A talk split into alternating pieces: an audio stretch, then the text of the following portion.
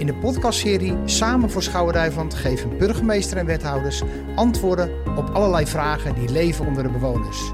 Maar geven ze ook inzicht in de uitdagingen van morgen. Luister iedere week naar een nieuwe aflevering over besturen op Schouwen-Duiveland. De jeugd waar we het over hadden, dat is mijn grootste zorg. Dat er toch een, altijd een, een deel van de jeugd zal blijven die gevoelig is voor dit soort prikkels, voor dat snelle geld.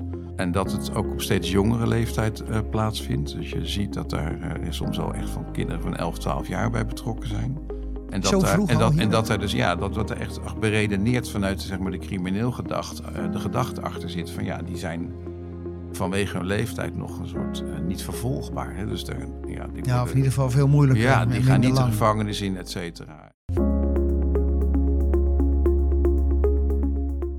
Maar wat ik echt uh, wil aangeven is, het gaat er dus niet om bij participatie dat je altijd iedereen te vriend uh, Nee. hoeft te houden. Het gaat er mijns inziens wel om dat je met elkaar in gesprek bent en blijft. Ehm, en dat je gewoon het respect voor elkaar hebt en elkaar weet te vinden. En dat die ruimte er is. Dat je ook open staat voor elkaars uh, argumenten. En, en of trouwens, ik bedoel, dat merk ik nu aan de oude haven, krijgen we ook inhoudelijk input. Hè, dus daar, daar kun je ook van leren. En dat hebben we in Brouwershaven hetzelfde gehad. Er stonden ook mensen op die kennis hadden en kwaliteit. Ja, als je die langs zij trekt, dan kom je een heel eind.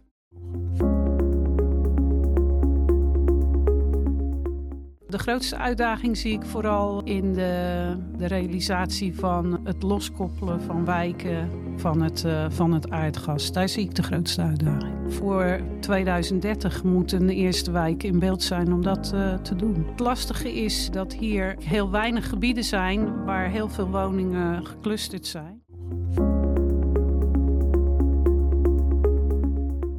Kijk nou eens naar een andere manier van financieren. Ja. En waarom lukt dat dan niet om dat over het voetlicht te krijgen? Dat... Omdat, omdat heel veel ambtenaren in het Rijk zich onvoldoende een voorstelling kunnen maken van uh, wat, waar de behoeftes Ze wonen niet op platteland. van de Ja. regio's liggen. En daar zit, daar zit gewoon echt een, grote, uh, een groot verschil in uh, nou, wat ik dan noem beleving.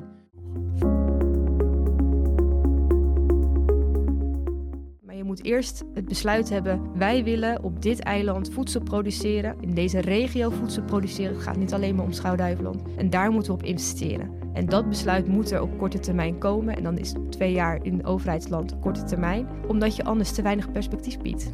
En op het moment dat je dan jaar op jaar slechte uh, seizoenen draait, ja, dan, hebben, dan wordt het voor de agrariërs op ons eiland echt heel moeilijk.